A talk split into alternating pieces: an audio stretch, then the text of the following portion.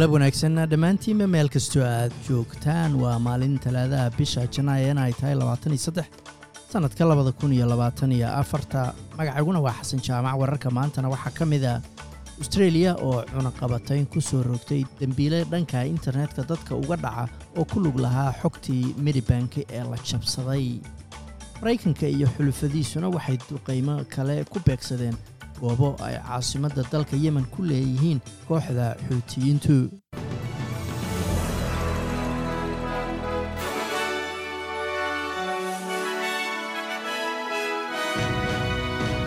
austreeliya ayaa u isticmaashay sharciga cusub ee awoodda dhanka internetka inay cunaqabatayno ku soo rida markii u horreysay nin ruusha oo la leeyahay waxa uu ku lug lahaa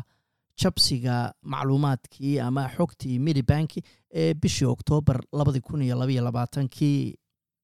Ku dhowaad milyan oo macaamiisha medibanki ayaa xogtoodii loo dhacay waxaana lagu daabacay waxa loo yaqaano dark web oo ah internet. Markaasi dadka intooda badan ka qarsoon weerarkaas ayaa waxaa lagu dhacay xogta dadka oo ay ku jiraan magacyada qofku marka uu dhashay iyo telefoon nambaradoodii dowladda ayaa hadda magacowday muwaadin ruusha oo la yidhaahdo alexander emrakof inuu markaasi ku lug lahaa ama ka dembeeyey xogtaasi loo dhacay. Waxaana dembi dowladdu ka dhigtay in ninkaasi dhinac ganacsi ama siyaalo kale loola xiriiro ama lagu lug yeesho howlo uu ku lug leeyahay. Kuwaas oo ay ku jiraan waxa loo yaqaano cripto karansiga ama lacagaha digitalka ah. Maraykanka iyo u k ayaa duqaymo dheeraada u geystay kooxda xuutiyiinta weeraradaas oo markan laga geystay caasimadda dalkaasi waa yemen ee sanca iyadoo sidoo kale la sheegay in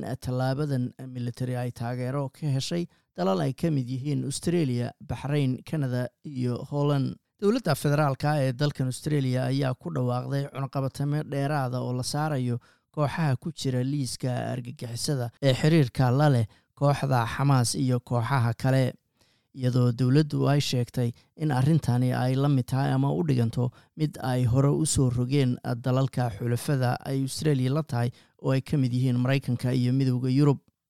Wasiiradda arrimaha dibadda dalkan australia penny wong ayaa sheegtay in cunaqabataynta lagu soo rogay saddex urur iyo laba-iyo toban qof oo iyagu xiriir la leh xamaas xisbullaahi iyo kooxda falastiiniyiinta ee islaamic jihaad ra'isul wasaare antony albanise ayaa sheegay in qof walba canshuurta laga dhimi doono iyadoo ay soo baxayaan warar sheegaya in dowladdu ay ka fiirsanayso inay waxoogaa khafiifiso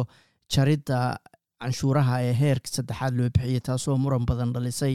Golaha wasiirada ayaa maantoo bishu ay tahay labaatan iyo saddex ka shiraya isla canshuur jariddaasi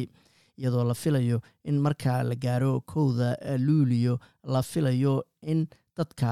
daqli ahaan ay u soo galaan inta udhexaysa afartan iyo shan kun ilaa laba boqol oo kun sanadkiiba ay canshuuro isla eg markaa boqol ahaan loo fiiriyo ay bixin doonaan. Maamulayaasha queenslandna waxa ay sheegeen in saadaasha xawliga dabaysha kirli la yidhaahdo ay hadda xoogaa hoos u dhacday laakiin waxay sidoo kale ka digeen dabaylo roobab mahiigaana iyo weliba fatahaado inay weli dhici karaan. Premierka gobolkaasi stephen miles ayaa hadalkan jeediyey kadib markii uu shir gudoomiyey guddiga maareynta masiibada ee queensland oo markii u horreeyey markaasi shir yeeshay iyagoo ka wada hadlaya sidii looga jawaabi lahaa